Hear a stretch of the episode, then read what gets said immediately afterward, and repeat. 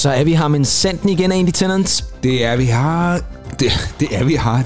Det er vi Så du sang det nærmest på en eller anden måde, det er er. vi. Det har. Ja. Det er Og det er jo øh, i virkeligheden lidt under trist omstændighed igen. Nu i sidste Ja. uge, der havde vi jo gang i Queen Elizabeth II, og der har sikkert været nogen, der synes, det var helt fint, hun øh, stod af, og der har sikkert også været mange, der, der fældede en tårer. Men i dag, der fortsætter vi jo faktisk lidt i det triste, eller i hvert fald øh, det tema, som handler om øh, folk, der er gået bort. Ja. Men den her gang, der skal vi altså ikke have fat i musikere, som er døde i en alder af 96 år gammel. Vi skal tværtimod have fat i nogen, der døde, da de var 27. Vi har nemlig vores 27 Club Special. Og I lytter jo, hvis I skulle være i tvivl, selvfølgelig til Noget ved Musikken, en podcast om kærligheden til popmusik og musik i al almindelighed. Og i dag skal vi faktisk lidt tilbage i tiden og have noget kærlighed til nogle musikere, ja. som jo desværre forlod os alt for tidligt. Og jeg hedder jo som altid Kim Pedersen. Og jeg er som altid Andy Tennant. Ja, jeg tror faktisk, jeg fik sagt sidste gang, at jeg hedder indtil næste gang Kim Pedersen. Jeg har altså ikke skiftet navn, vil jeg lige sige. Jeg Ej, hedder det stadigvæk. Du har overvejet det faktisk. Mange øh, gange, ja. Ja. Fordi der, der var det der med, med Nordkorea. Der var noget med noget... Ja, uha, uha, uha. Men var vi ikke også ude i på et tidspunkt, at det ville være meget fedt, hvis jeg havde mellemnavnet Gregory? Jo, jo, det tror jeg. Eller, eller jamen, jeg, jeg, tror, jeg har skrevet alle mulige vanvittige mellemnavn på. Ja, det tror jeg. øh, Til dig. Ja. Øh, Men når, jeg vi har- når vi har været på kurser, kan jeg huske. Ja, det er. Men jeg har faktisk kun to navne. Et fornavn og et efternavn. Ja. Ja. Sådan er det. Ingen mellemnavn. Det er jo ligesom mig. Ja, Andy Tennant. Ja. Så, så, kan det, så, kan, så er det sådan, det er. Sjovt, det ene deler navn med, med Neil for Pet Shop Boys. Ja, det er lidt, lidt besynderligt, ja. Det skal vi måske så gemme til en anden dag. Ja. Andy, som sagt, vi skal snakke om den her Club 27, eller 27 yes. Club, man kan faktisk sige begge dele, tror jeg, mm. som jo er et fænomen, som jo har eksisteret en hel del år, lad os sige det sådan. Vi skal nok vende tilbage til, hvor, sådan, når man begyndte sådan at omtale den her klub. Men Andy, i første omgang, vil du sige, at alle de musikere, vi skal have fat i i dag, er nogen, som på en eller anden måde er berettiget at ryge i sådan en legendeklub, for det kan vi vel godt sige det. Ja. Det kan jeg med rungende. Nu ved jeg ikke, om du sætter rungende på. Det- det tror jeg, jeg gør nu i med- hvert fald. Med rungende klang sige ja. Og det kan jeg, fordi at de her musikere, vi kommer til at snakke om i dag, de har jo netop sat et kæmpe, kæmpe indtryk, eller aftryk er det vel nærmere. Måske både indtryk og aftryk. På både, hvad det hedder, øh, jamen hele rockscenen, hele ja. popscenen, men også har de jo været stilikoner. Ja, De har betydet så meget for den genre, de hver især nu har repræsenteret. Jeg vil sige, det er nærmest umuligt ikke at øh, snakke om dem. Ja, og det er måske også det der med, at nogle, du siger selv, de er stilikoner, og det ja. er også nogle musikere, som jo, som du også er lidt inde på, har formet den musik, der er kommet mm. efterfølgende. Ikke? Så det er jo nogle pionerer inden for deres respektive genre. Og så er det jo også nogle mennesker, som i hvert fald i dag, hvis du spørger nuværende musikere, så er der altså også mange af dem, som name-dropper de her folk, Ja. som er nogen, der er inspirationskilder stadigvæk i dag. Ja, det er sjovt. Og nu- kommer jeg lige til, at til- da du lige sagde stilikoner Ja. igen der. Øhm, Ja, det var faktisk dig, der startede med at sige ja, det. det var mig, der Ja, startede med at sige det. jeg gentager Det var mig- dine ord, Ja, egentlig. det var, mig- det var mig, der opfandt ordet. Ja, det var det. Nej, øhm, jeg kan ikke lade være med at tænke på, efter jeg læste den vidunderlige bog om Keith Richards, Ja. der hedder Life. Og han er jo ikke død nu. Nej, nej, og, det er jo faktisk... kan jo så heller ikke ryge med i Club 27, fordi... Nej, der har han ligesom Men gået det på jo datoen det der. med, ja. med, med, stilikoner. Jeg tror, mange af de her musikere, vi også kommer til at snakke om i dag, Øh, det er jo ikke fordi, jeg, jeg vil sige, at de gjorde det sådan bevidst, men de kunne bare godt lide at have det tøj på, og så blev det jo lidt noget som uh, Uffe Buchhardt og andre, øh, altså Ja. praised. Ja, præcis, ikke? Jo, jo, og det er jo det, man kan vende tilbage til. Og nu synes jeg faktisk, det er meget fedt, du lige nævner Keith Richards, for jeg tænker også, vi skal se at komme i gang, fordi Han, der er faktisk... nogle, han har bare altid bare taget nogle klude på, ikke? Jo, det har han jo lige præcis, men nu tænker jeg også mere i forbindelse med, mm. at Keith Richards jo er med i det band, der hedder The Rolling Stones. Ja. Og vi starter jo rent faktisk Det der, fordi man kunne godt gå tilbage i tiden og kigge på den der 27 Club, og så tage nogen, der er endnu endnu ældre tilbage.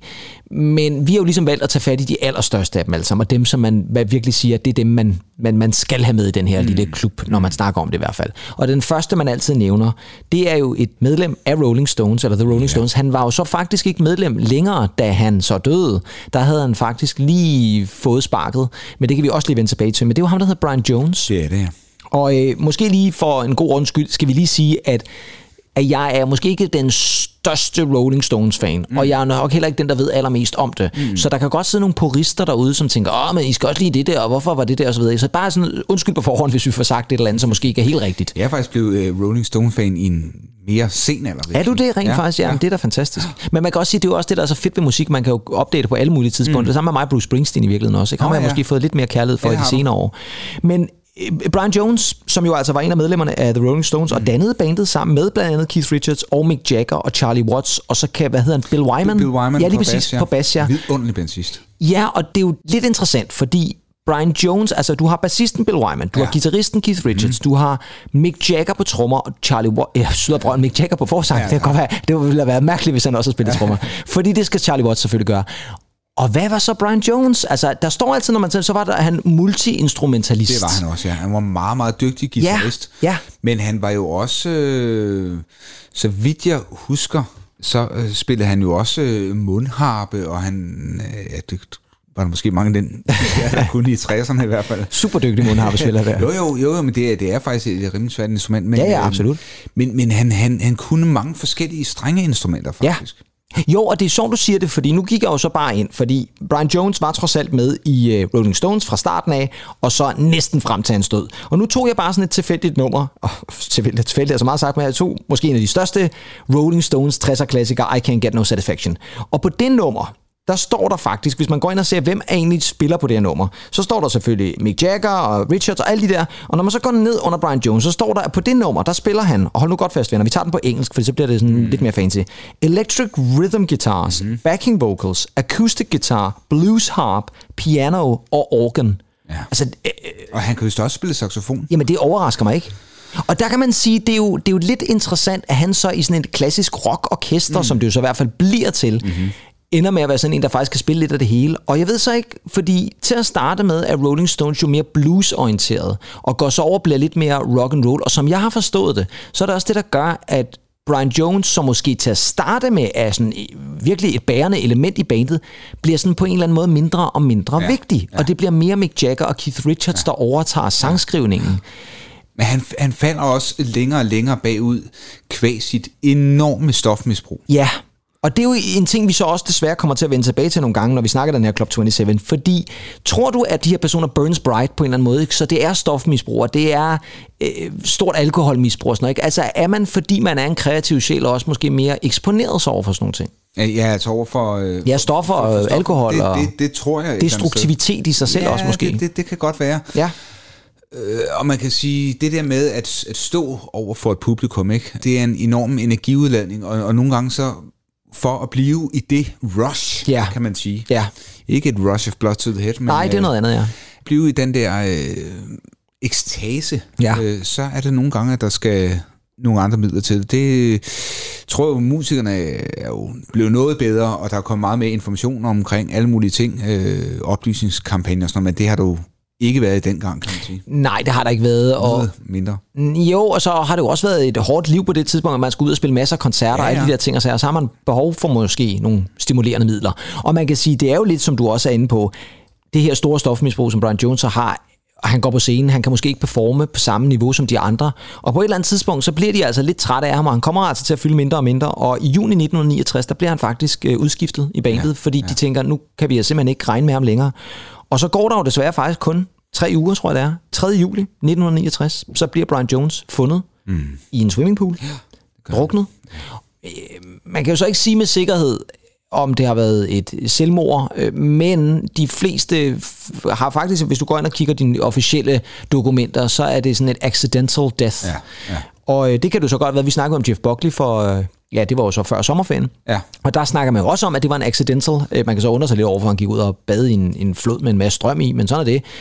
Og så er det jo ligesom slut for Brian Jones, og så kunne man jo sagt, jamen, hvad hvis han havde været i bandet, da han druknede? Mm. Det var han jo så ikke, og så kan på den måde øh, Rolling Stones jo sagtens fortsætte. Men tror du, der alligevel har været nogen, der sådan lidt tænker, okay, men det, altså, er det lidt vores skyld? Altså har vi drevet ham til det her? Fordi det, tre uger, det er jo også bemærkelsesværdigt, at der går tre uger, så er manden død, altså efter han har røget bandet.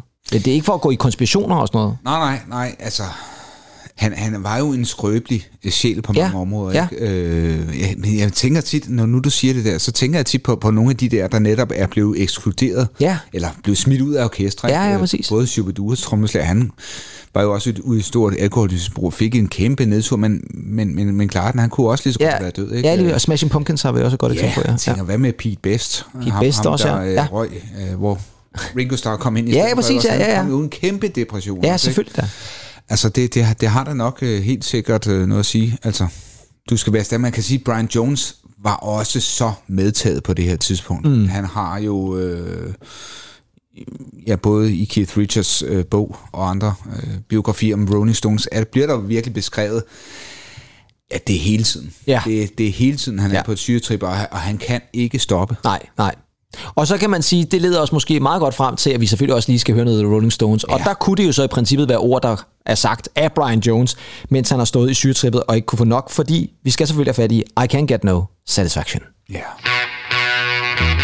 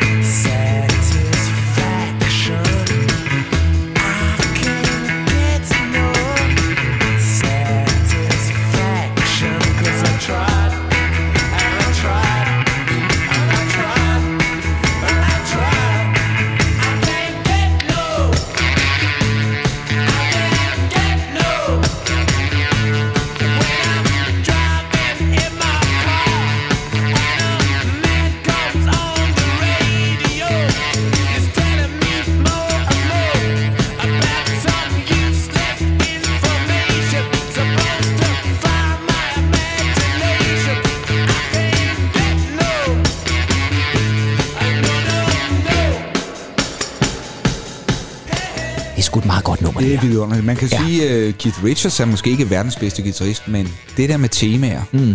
det kan han. Ja, det kan han altså. Den sidder der bare, første gang du hører den, ikke? Og nu kan jeg ikke huske, hvornår jeg første gang hørte det her nummer. Det har været mange år siden. Men, øh, men det er bare sådan et nummer, som man, man, man husker, ikke? Har du egentlig et favoritalbum med dem? Nej, fordi der er jeg simpelthen ikke med Rolling Nej, Stones. nej. Det er jeg simpelthen nødt til at sige. Altså, og det er ikke fordi, at jeg sådan skal sidde og kritisere Rolling Stones, men det er bare, det er bare ikke noget, som på den måde har ramt mig nu. Det kan være, at det kommer ligesom med dig, ja, ja. at lige pludselig en dag, så øh, er jeg verdens største Mick Jagger-fan. Eller Altså, jeg vil sige, øh, jo, 60'erne er super gode dem, mm. men jeg synes, altså, det er i, øh, i 70'erne, de er rigtige. Det, Ja. det hedder Exile on Main Street. Ja. Det kan jeg altså anbefale. Ja, fedt. Jamen, det kan og, være, det er øh, den, faktisk også, øh, det er for vores årstal med øh, Start Me Up på. Tattoo, jo. Ja, ja, Fremragende. ja. Og øh, man kan sige, det er jo en gruppe, som jo stadigvæk eksisterer. Ja. Det er jo stadig godt nok vildt at se... Øh, og nu er Charlie Watts jo selvfølgelig så gået bort, det snakkede vi jo også om i tidligere afsnit, ja. Men, men Richards og øh, Jagger, der stadigvæk giver den gas på scenen, det er nærmest ufatteligt. Og Ron Wood. Og Ron Wood også, ja, som jo også har været i rigtig mange forskellige konstellationer. Så, mm. Men det er imponerende, at de stadigvæk holder ud, de, de, de gave gutter der. Utroligt. Ja. ja. Vi skal videre, og øh, nu var vi jo, det måske også lige vigtigt at få sagt jo, at øh, det her det var altså i 1969, altså den 3. juli 1969, at Brian Jones døde. Og så skete der det... Summer of Love. Summer of Love, lige præcis, ja, ikke? Altså, det var også årstallet, hvor det, ja, hvor at vi havde Manson og alt det der også, ikke? Altså, så, så der har været knald på der. Året efter, der sker der jo desværre også noget. Der sker der faktisk rigtig meget det år, mm. og meget tæt på hinanden. Og den første, vi lige tager fat i, 18. september 1970. En af verdens største musikere. Det er måske i virkeligheden på det her tidspunkt verdens bedst betalte musiker. Altså, ja. det er den, der simpelthen er den største af dem alle sammen. Og det er jo uh, Jimi Hendrix. Ja. Hvad er dit forhold til Jimi Hendrix egentlig? Jo, altså... Øh, det, det er jo ikke... Altså, nu har jeg jo ikke aldrig været sådan den, der har sådan kigget på, på guitaristen, men, men jeg har, hørt, jeg har hørt en del af Ja. ja. Jimi Hendrix, sådan Ja. i, især i mine 90'er. Det var også noget, vi hørte meget på efterskolen. Ja, det kunne jeg forestille mig, ja. Ja, Især til, til øh, festerne i weekenderne, ikke? ja, ja lige Man lige hører Hey Joe. Eller Ja, ja, men det, og det er jo det. Det er lidt sjovt, fordi man, jeg synes og, også, All hvis Along the Watchtower, tror jeg. sådan All. Along the Watchtower ja. også den, ikke? Jo, og så er der jo i Voodoo Child og sådan noget. Ja, Ja. Altså, der er jo Okay, numre, som man jo sagtens skal huske ja, Ja. Af, af Jimi Hendrix. Men igen sådan en kunstner, som jo bliver altid bliver nævnt, glorificeret som en af måske de bedste. Hvis man Mm. laver sådan en top 100 over de bedste guitarister, der nogensinde har levet, så kan man næsten altid regne med, at Hendrix han ligger nummer 1, 2 eller 3, tror jeg. Mhm. Mm-hmm. Og han når altså i sin forholdsvis korte levetid jo at udgive tre albums under navnet The Jimi Hendrix Experience. Mm-hmm. Og øh, der er faktisk to af dem, som udkommer i 1967. Det var også dengang, hvor man bare gik ind i studiet, så øh, recordede man, og så blev den udgivet nærmest dagen efter eller andet sted. Der var ikke, øh, der var ikke langt fra, fra studiet så til, at man kunne finde den på pladehylden, vel? Og så udgiver han jo det, som alle tænker lidt som hans mesterværk i 68, Electric Ladyland, Ja. med et meget famøst cover i øvrigt også, skulle jeg hilse at sige, som jeg stadigvæk er imponeret over, at overhovedet slap igennem censuren og så Ja, videre. men det var, det var en anden tid. Det var en anden tid, ja. Og så når han faktisk også i 1970 at udgive et album sammen med Band of Gypsies, altså hvor han har det bandnavn. Så har han ligesom skiftet bandnavnet, og nu er det så nogle andre gutter, der er med i os. Og så må man sige, så ramte han jo måske peaked, og så er vi tilbage i 69, Ja. Summer of Love. Fordi hvad var det også, der skete i Summer of Love? Der var selvfølgelig Woodstock. Woodstock, og der var Jimi Hendrix, altså som sagt, helt på højdepunktet, største musiker i hele verden, ja. og var selvfølgelig også hovednavnet, spillede til aller, aller sidst Woodstock den sidste dag. Ja, du kender vel godt de optagelser derfra, ikke også? Hvor, Jo, jo, hvor man helt ser hippierne stå dernede, Fuldstændig, og, ja, og han ja. der. Fuldstændig, ja. Hvordan var det nu? Øh, så vidt jeg husker, så spillede han vel egentlig en venstrehåndsgitar, men var vist nok højrehåndet selv. Det er vist nok rigtigt, ja. Ja. ja. Ja. Men det, og, og det er jo et eller andet sted også, men hvad, hvad, tænker, det må da være svært også, tænker jeg, det Jo, ikke jo, jo, jo, jo. jo.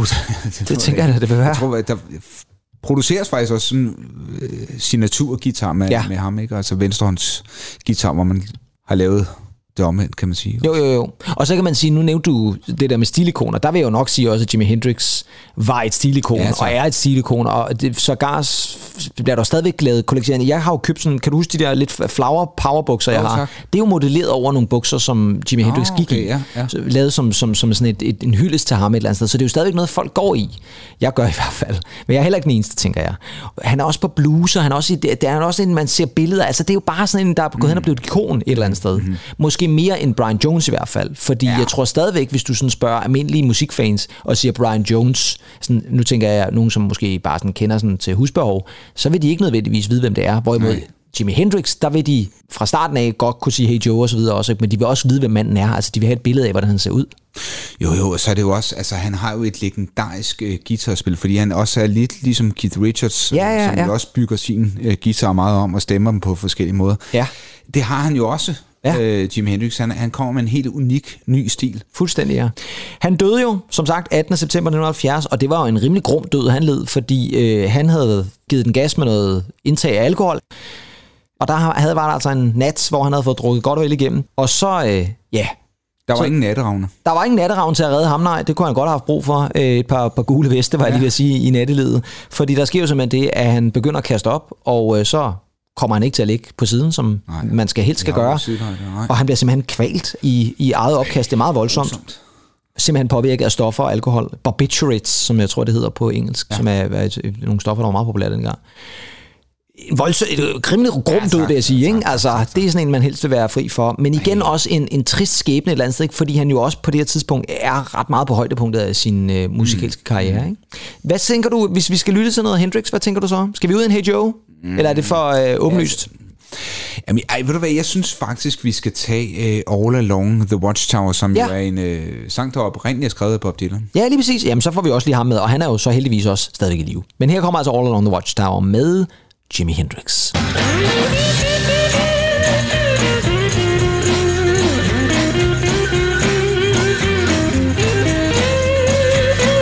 There must be some kind of way out of here. Said the joker to the thief. There's too much confusion. I can't get no relief. Businessman there drink my wine. Plowman dig my earth.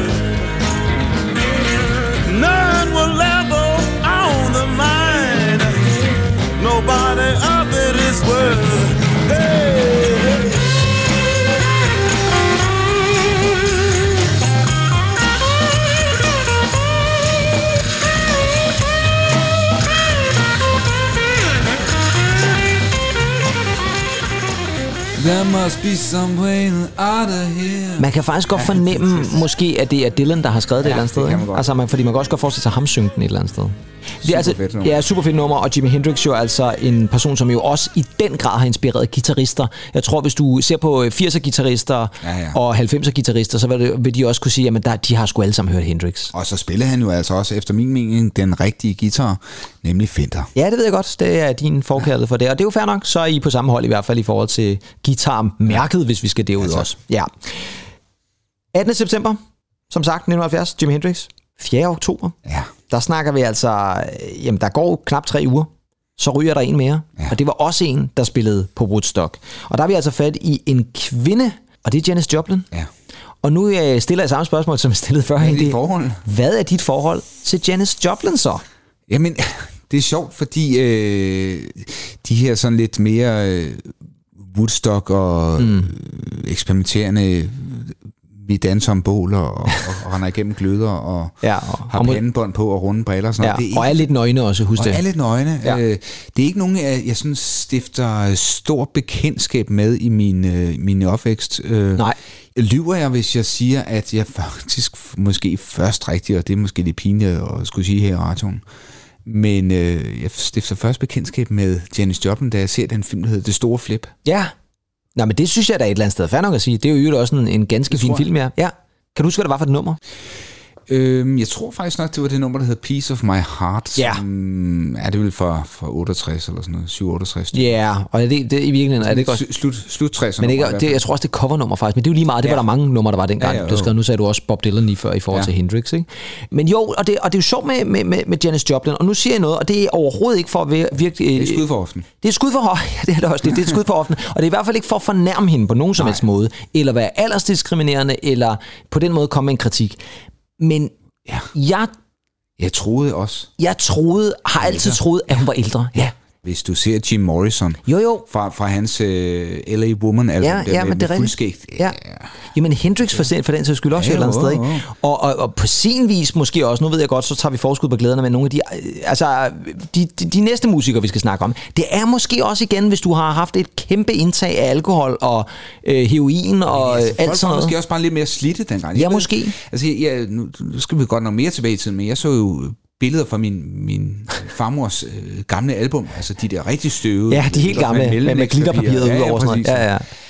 Altså 40-årige, eller bare øh, nogle af 30-årige mænd, Ja, ja. i alt for løssiddende jakkesæt, Selvfølgelig, hvor, hvor ja. prins Joachim havde sagt, nu stopper festen. ja, nu stopper den. Altså, så også meget ældre ud, sådan Ja, med, med, ja. men, men det er rigtigt nok, Janis Joplin, jo, altså, Ja, det- jeg- troede sgu også, altså, Ja, men det, og, og, og det og det er jo ikke fordi, igen som sagt, at man skal sige, at, uh, at der er jo nogle mennesker, der bare ser ældre ud, sådan det. Men altså, jeg har svært ved at forene mig med, at, at hun kun er 27. Men man kan sige, at for vi lige skal tage fat i Janis Joplin, hun dør altså den 4. oktober 1970, og det gør hun af en heroin-overdosis, fordi det var også en ting, hun også øh, åbenbart øh, gjorde sig i. Hun udgiver to albums med... Øh, dem, der hedder The Big Brother and The Holding Company, og så altså Janis Joplin, og så udgiver hun to albums som solokunstner. Den sidste, den hedder Pearl. Den øh, udkommer posthumt i 1972. For hendes vedkommende et album, som jo så også bliver under hendes navn, kan man sige. Så det er som et reelt soloalbum. Hun spillede som sagt også på Woodstock i 1969, og det har hun selvfølgelig så fælles med Jimi Hendrix. Og så fik hun faktisk sit gennembrud, da hun spillede med de her Big Brother and the Holding Company ved Monterey Pop Festival i slutningen af 60'erne. Det var ligesom der, folk ligesom tænkte, wow, hvad er hun for en hende her? Hun kan da virkelig synge. Og man må jo sige, ja. Janis Joplin, det er heller ikke, fordi jeg har lyttet meget til Janis Joplin, men hun har en fantastisk vokal. Det er helt vildt. Sindssyg. Signifikant, og det er kun hende, der, der har den, ikke? Eller, Jamen, totalt. Ja. Og igen, og det kommer vi også tilbage til med en af de andre kvindelige kunstnere, vi skal snakke om. Her har- kan vi altså snakke om en kvindelig sangerinde, som har inspireret jamen, talrige ja. Af sangerinder, både i dag, men også for 20 år siden og 30 år siden. Altså, hun er simpelthen en af dem, som folk altid nævner, ja. Jamen, Jamen, det der, hun krænger bare sjælen Fuldstændig, ja. Jo, og så er det sådan lidt solet, ja. og det er jo nærmest lige før, det er sådan noget af det nærmest tidligere R&B, men det er også lidt bluset, Ja, og det, er, ja, ja, det, jo, det har jo. alt muligt, og og rock and roll et eller andet ja. sted også, ikke? Altså, virkelig, virkelig dygtig. Og så er det sjovt, nu siger jeg noget, som jeg ikke er helt sikker på, om er rigtigt, men jeg har altid synes, og det er som sådan ikke nogen kritik af Jack White, men den der... Præcis, ja. Den der, ja. Især i den der, I'm thinking about the doorbell, when you gonna ring it, when you gonna ring it. Nå ja, det er rigtigt, ja. Altså, Ja. det er lige før, jeg næsten kan høre Janis Joplin ja. I den vokal performance. Ja, ja, jo. Så jeg tror også, der er mænd, som ja. Simpelthen har, ja, ja. har tænkt, wow, hun ja. synger bare fantastisk hende her. Lad os da prøve at kanalisere noget af det ind i os også. Syng stærkt, dø jo. Syng stærkt dø, og det må man så sige, Janis Joplin gjorde. Og synes du ikke egentlig, nu snakker vi om Piece of My Heart, skal vi ikke uh, lytte til det af den også? Lad os have den. Lad os tage den. I'll like you are the only man. Well, yeah, didn't I give you nearly everything that a woman possibly can? Honey, you know I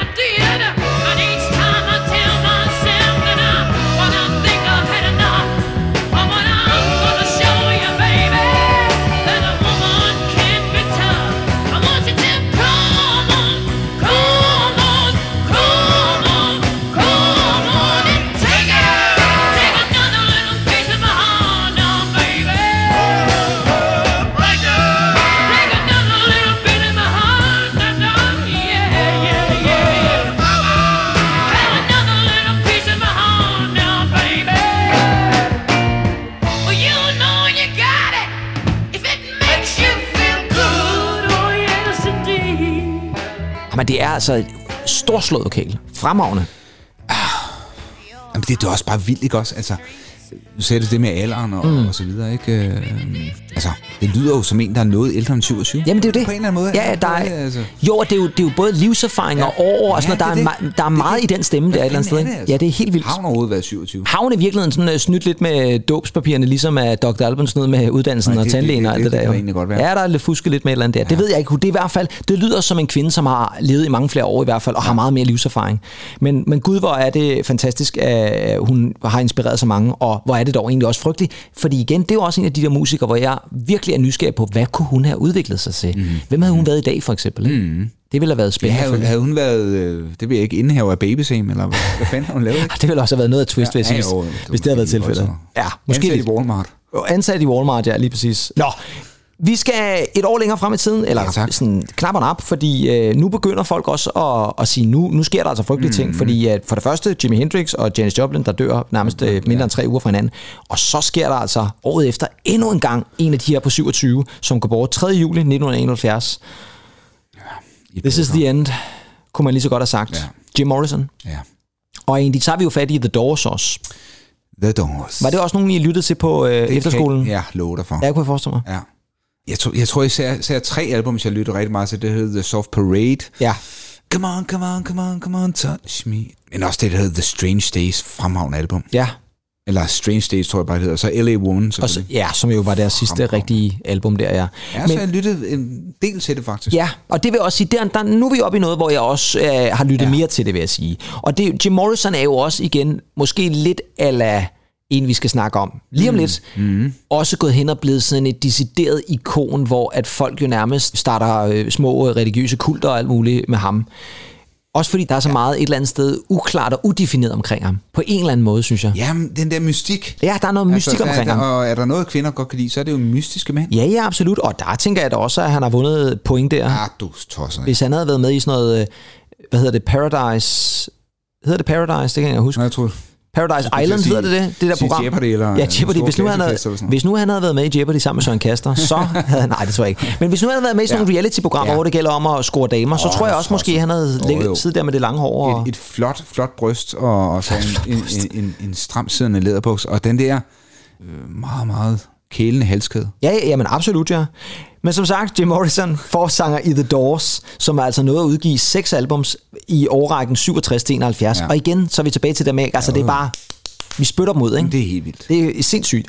Og øh, de fik deres gennembrud i 1967. Faktisk med det nummer, som hedder Light My Fire, som vel i stadigvæk ja. er øh, den, som alle kan nynne med på, mm-hmm. når vi snakker The Doors, mm-hmm. som er taget fra øh, debutalbummet, som jo bare hed The Doors. Yes. Han døde af en hjertefejl. Ja. Af i hvert fald den officielle forklaring, men mm. der er jo aldrig rigtig blevet, sådan som jeg forstår det, foretaget en obduktion af hans øh, døde krop. Så man, man er faktisk ikke helt sikker på, hvad var det? Har der været stoffer involveret? Har der været noget andet, der har været øh, involveret? Men det var i Paris jo. Ja, og, og, ja, og var det i et badekar? Øh, og det kan jeg jo faktisk også huske fra filmen. Kan du huske det med... Nå, ja, med Val Kilmer. Val Kilmer, ja. Ja, ja, ja. ja det kan da godt være, du har ret i det. Det er meget, meget mange år siden, jeg har set den. Jeg husker den som en ret god performance af Val Kilmer, som Jim Morrison. Han lignede ham ret meget, han ikke? Er det ikke mig, Jo, eller er det jo, bare mig, der... Jo, jo, jo, jo, jo, jo. Rigtig meget. Rigtig meget det. Fedt.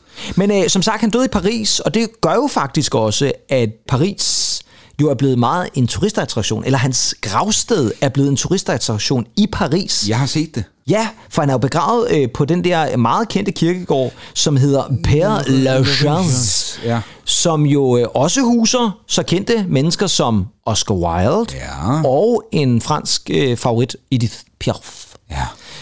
Men du har været dernede? Jeg har været nede, ja. Og det var det er faktisk en del år siden. Men hele, Ja. ja. ja, det var min moder, fader og Ja. min søster. Og I gik alle sammen ind og så øh, Hendrix, Vi var alle sammen- eller Hendrix, ja. Morrison, for Jeg fanden. husker, min far vidste faktisk ikke rigtig, hvem Jim Morrison var. Frygtelig pinligt, ikke? Ja, ja. Min søster, var- mig var... Ja, hun har gået i protester. Det kunne jeg forestille mig. Vi var, vi var kæmpe store fans. der. Ja, ja, selvfølgelig ja. Men lå der blomster, og var det sådan, fordi det er der- sådan et der lidt var- et hotspot jo, jo, i Paris. Jamen, der, der, der, var, øh, der var tændt lys, øh, der faktisk ikke. Men Ja. ja. det er sjovt, altså det er jo sådan rigtig... Øh, den, den kirkegård, den, den skal du næsten prøve at tage ned og se. Ja. Det er sådan en rigtig... Men den er også med i mange film og sådan noget. Ja, meget ja, ja, ja. uhygge kirkegård, ikke? Der er den der fantastiske franske film, der hedder Holy Motors, hvor ham der oh, render ja. rundt ind på kirkegården. Med- med også. blomsterne Med der, blomster og spiser blomster, ja, Ja. og charmerer hende der, øh, hvad hedder hun, Eva Mendes eller sådan noget. Om ikke andet i hvert fald, så er det jo der, hvor folk tager hen. Det er jo også lidt atypisk, at vi har en, en kunstner her, som jo er amerikaner, og så mm. fordi han er i Paris, så bliver han begravet ja. I Paris. Og de har ikke, de har ikke flået ham tilbage. Nej, nej. De har ikke gravet ham op og flyttet ham over til USA. Eller sådan. Men det giver måske meget god mening, at Paris blev hans hvilested. Ja. Jamen, jeg sidder og tænker på, hvor, hvor kunne du forestille dig at dø hen, hvis det ikke skulle være i, i Rønnebæk? Jeg er ikke nødvendigvis dø ud i Rønbæk, altså, det er også noget, noget af en timing et eller andet sted. Jeg skal ligesom tage billetten derude. Det kunne jo ske hvor som helst et eller andet sted. Okay, det var, det var et af de mere eksistentialistiske spørgsmål, jeg har fået der. Øh, men jeg synes egentlig, vi skal lytte til noget The Doors. Ja. Hvad skal vi lytte til? Uh, jeg synes, det er svært nu. Ja, Øh, Jeg kunne finde på at sige LA Woman, deres længste nummer måske. ja, Men der er ja. altså også et, så får vi øh, så bare ikke så meget af det, kan man Der sige. er også et nummer, som øh, det, der hedder Touch Me. Det er altså også et nummer. Skal vi tage The Doors Touch Me? Jamen, lad os prøve Touch Me. Lad os prøve at se, om vi kan få noget Touch Me ind. Come on, come on, come on, come on now, touch me, babe. Can't you see that I am not afraid? What was that promise that you made? Why won't you tell me what she said? What was that promise that you made? I'm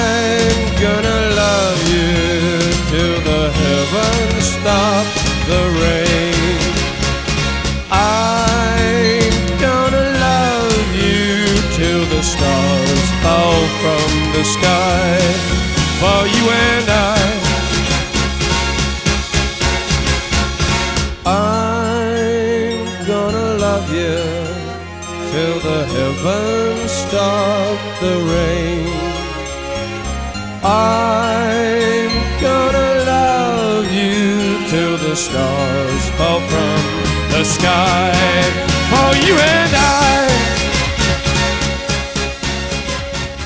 Dun, dun, dun, dun, dun, dun, dun, cause I'm gonna love Og de der strings, der Ja, det er smukt. Det er fantastisk. Ja. Fedt, Skønt. The Doors, øh, og altså Jimi Hendrix, som altså gik bort 3. juli 1971 i en alder af 27 år gammel. Og nu går der så ret lang tid, fordi at så øh, stopper den der øh, store mængde af unge mennesker og unge musikere, der dør. Og så skal vi faktisk helt op til 1994. Ja. Og der er der så godt nok også en af de helt store, der tager billetten. Og det er måske... Ja, det er måske den, som er den største af dem alle sammen. Vil jeg nok sige. Jeg ved godt, der kommer en lige om lidt også, som vi også skal have fat i. Men Det er jo i hvert fald fra vores tid. Ja, det er det, og det er jo også stadigvæk en af de der kæmpe ikoner. 5. april 1994. Nirvanas forsanger, Kurt Cobain. Vi har jo snakket om ham flere gange, og Nirvana. Ja, og det her, jeg vil tage værtsrollen lidt Kom med den. og sige, jamen altså, hvad var dit forhold til Kurt Cobain? Fordi lytterne, faste lytter, vil jo vide, at du er en rigtig popdreng. Det er jeg. Du Du, det er du, er- du, nu, nu godt nok også min ven, men du havde Jo, måske jo. lidt mere et, et kælende øje til rockmusikken også, der, Ja. og grungen. Og ja, især grungen, ikke? Mm. Øh, og skatepunken og alt det der. Ja, ja, ja. Men, øh, Men hvor var du i 94 rent musikalsk? Øh, og hvor var du Kurt Cobain med? Og var jeg i Rønbæk? Nej, det var jeg ikke. i Rønnebæk, ja. Nej, det var jeg. Eller jo, det var jeg, men, men øh, jamen, ah, det er svært at svare på, fordi Nirvana kunne jeg egentlig meget godt lide, men det var ikke sådan noget, jeg havde ikke Nevermind på CD, og jeg havde ikke øh, lyttet til Nirvana mere end det, der blev spillet på MTV, vil jeg sige.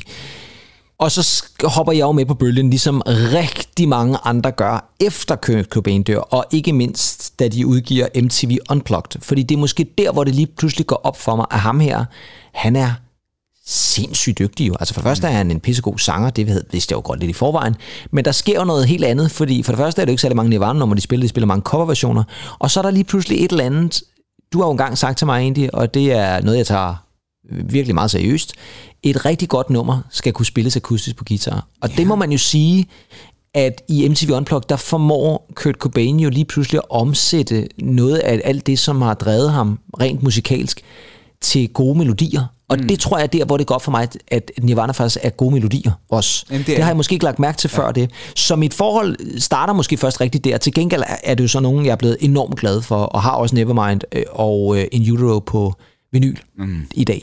Ja. Øh, så, så det er nok mit forhold i dag. Det starter med, med Unplugged, må jeg så ærligt erkende. Ja, jo, men, øh, jo. men, øh, men det tror jeg også, der var mange andre, der hoppede det på. gør det for mange, ja. Det tror jeg, der er. Ja. Og det er jo fair nok, fordi det er også der, hvor det virkelig går hen og bliver meget kommercielt. Men øh, vi skal måske lige nævne, at Kurt Cobain er jo også ham, der faktisk øh, adskiller sig lidt fra de andre, vi har fat i. Ikke det, at han ikke er 27, for det er han, men han tager jo sit eget liv.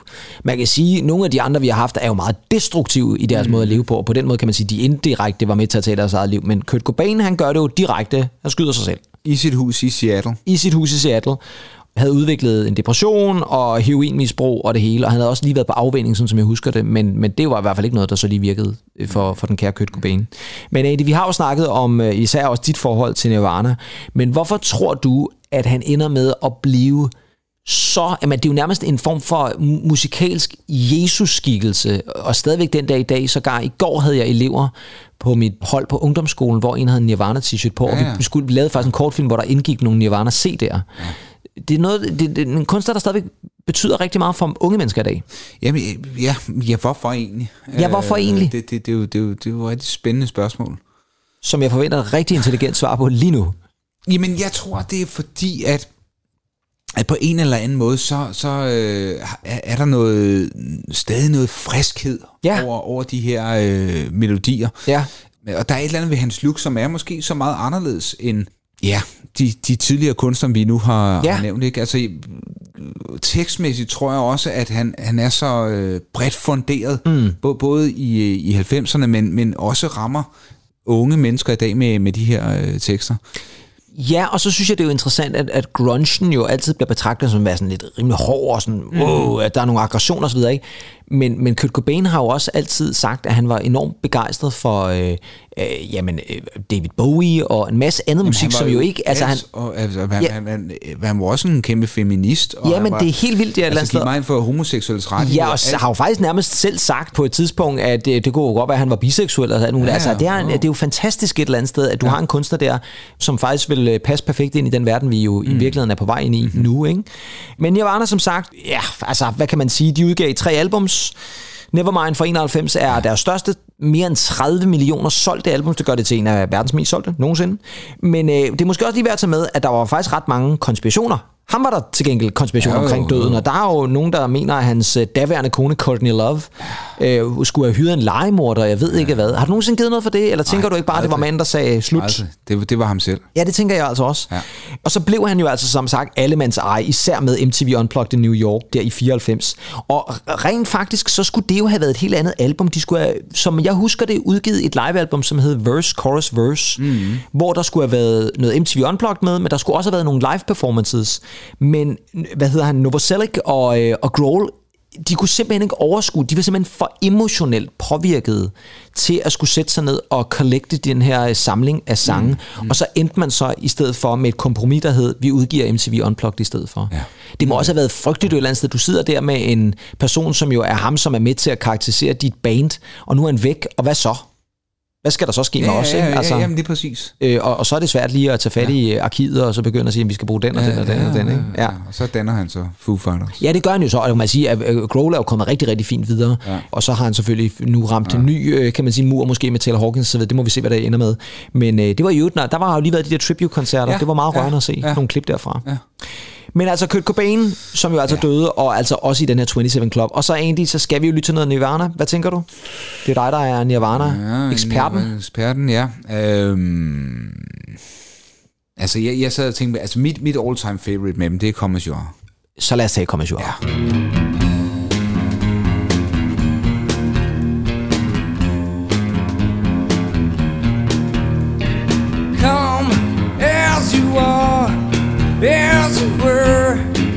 someone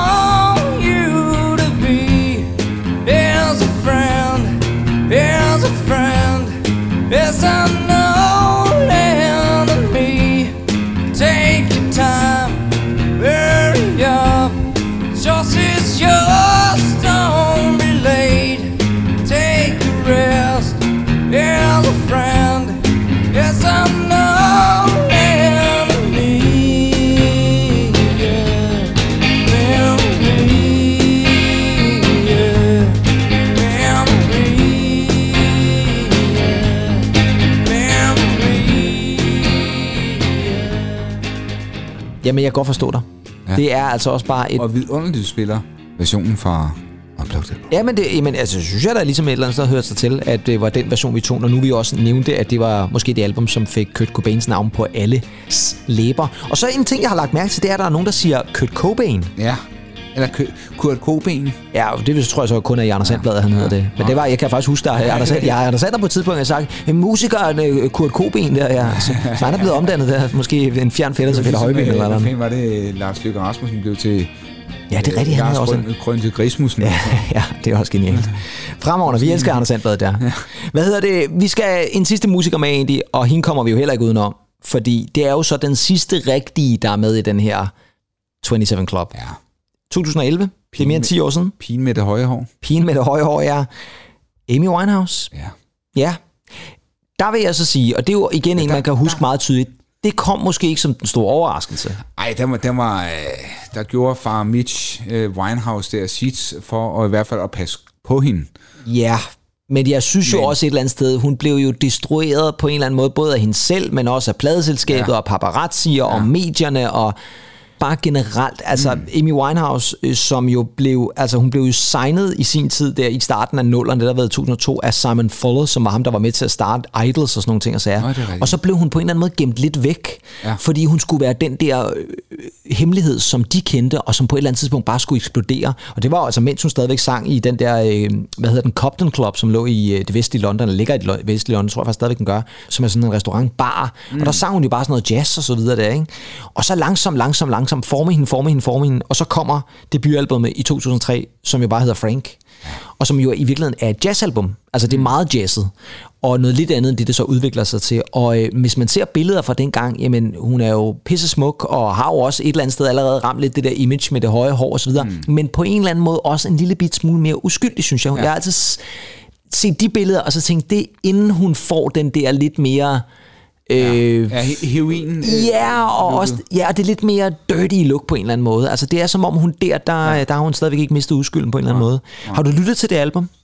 Nej, Frank-albumet, nej. det er faktisk et rigtig godt album. Jeg og var også Mercury Prize så meget til Nej. øh, Amy Winehouse. Nej. Vi, vi gjorde det... Det gjorde vi da en del. Lidt, lidt i London der. Ja, og lidt i Penthouse også måske, Ja, ikke? ja, ja. Øh, og, og man kan sige, det er jo også det, der som ligesom får startet det. Og så i 2006, der går altså nogle år, så kommer Back to Black. Ja, Og den er ikke til at komme udenom. nej. Og det er jo både fordi, at debutsinglen for det album hedder Rehab, Ja. som jo nærmest er en af de mest selvbiografiske øh, tekster, der nogensinde er skrevet. Og øh, så får hun jo også fat især i en producer, Mark. Mark Goddamn Ronson. Ja. ja. Vidunderlig producer. Vanvittig producer, men er jo også med til at fyre Amy Winehouse helt op i stratosfæren. Fuldstændig, fuldstændig. Fuldstændig vanvittigt. Ja. Det er jo helt vildt. Men, men, men, og, og der begynder øh, vel også at, øh, at vise sin, øh, sin, sin genvorlighed, ikke? Jo, men det gør det. Og, og så har vi alkoholen, og ja. vi har øh, stoffer og Heroin. heroin. Og, Og det kan man altså... Ja, det kan man. Så, så, får, så får den hun altså... Øh, jeg vil ikke, ikke sige back to black, men altså back to the old øh, English teeth. Ja, og så... Altså og, så- det, øh, ødelagte tandsæt, kan man Jo, men sige. hun, hun kommer jo til at se slidt ud meget slidt, og så er vi igen tilbage til det der med alderen, der lige nu lige pludselig ikke er en længere på, ja. på midt i 20'erne, vel? Jo, ja, og, så, og så er der jo også bare det der med, at så skal hun på en eller anden måde leve op til det der image med at være den der ja. slidte stjerne, som alle kan elske og så videre, ja, ja. ikke? men der, det ligger også i teksterne og så videre, ikke? Og, og paparazzierne og medierne begynder at følge hende jo overalt ja. og, og, og dyrke hende og skrive hver gang hun har været ude og kommer i slåskamp med øh, fotografer. Og, Ja, så- altså, det er jo frygteligt. Skrækkeligt, skrækkeligt. Den der fantastiske dokumentar, Amy hedder den bare, mm.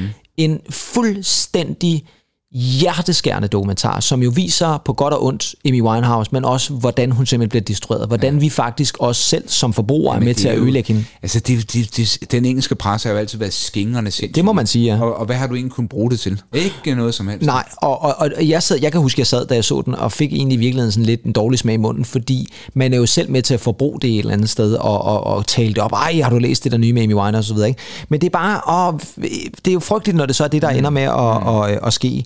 Den sidste indspilling, hun nåede at lave, ved du, hvem det var med? På en eller anden måde lidt sigende, måske også i forhold til en genre. I en genre, jeg var ved at sige Elvis Costello og Burt Bacharach. Ja, det er Tony Bennett. Åh, oh, Tony Ja, Bennett. hun lavede en sang med ham til God to der, ja. Som stadig er i live. Som stadigvæk er i liv, ja. Det er ret vildt, ja. Han har også misset datoen med de 27 der. Jeg elsker Tony Bennett. Ja, jeg elsker, elsker også Tony Bennett. Han er fantastisk. Men hun kørte jo altså, som du selv siger, den der 50'er 60'er Ronette-stil rent ja. øh, Nå, ja. Ja. Og så skal vi jo også lige nævne, at hun jo øh, havde også øh, drukket voldsomt, da hun døde. det er sådan et eller andet med, at hendes alkoholprocent blev målt til fem gange det, der er tilladt for at køre bil eller sådan noget, så den har været gigantisk Ah, jo. ah. Og så var hun faldet i søvn, og så var der nogle bodyguards, der tjekkede til hende, og der var hun altså så desværre død, øh, uden at de rigtig lagde mærke til det. Men igen, en person, et, et sangerinde, som jo alle sangerinder i dag jo på en eller anden måde ser som et ikon, og nogen, der er inspireret hende. Jeg tror, det er svært at finde nogen kvindelige kunstnere i dag, som jo ikke synes, at Amy Winehouse har gjort rigtig meget for musikken.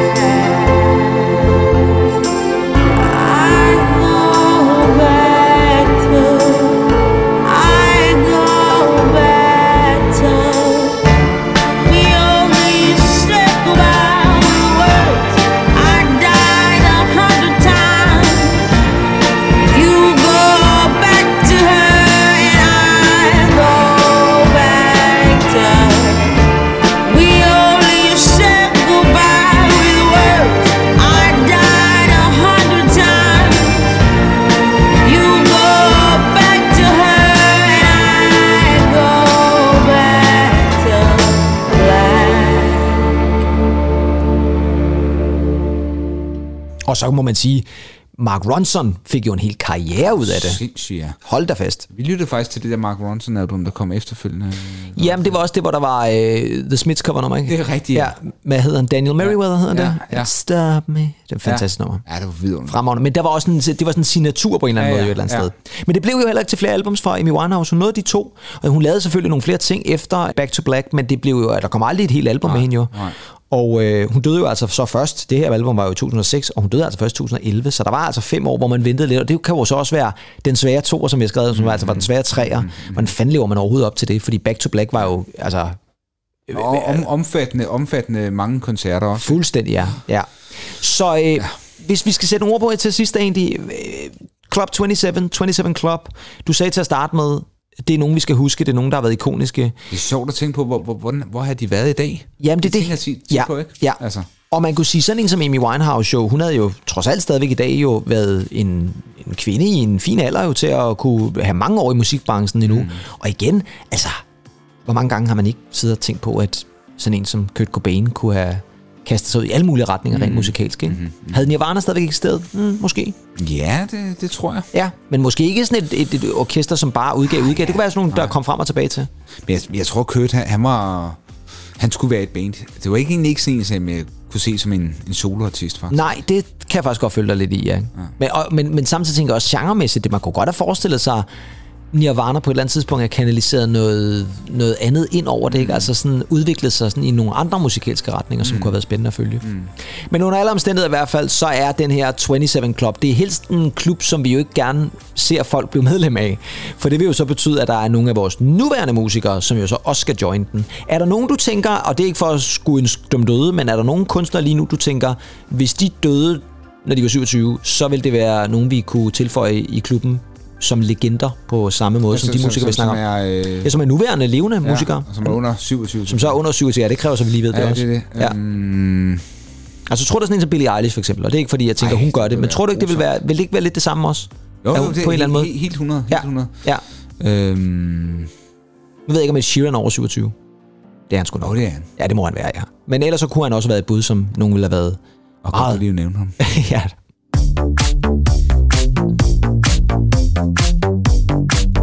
Her kommer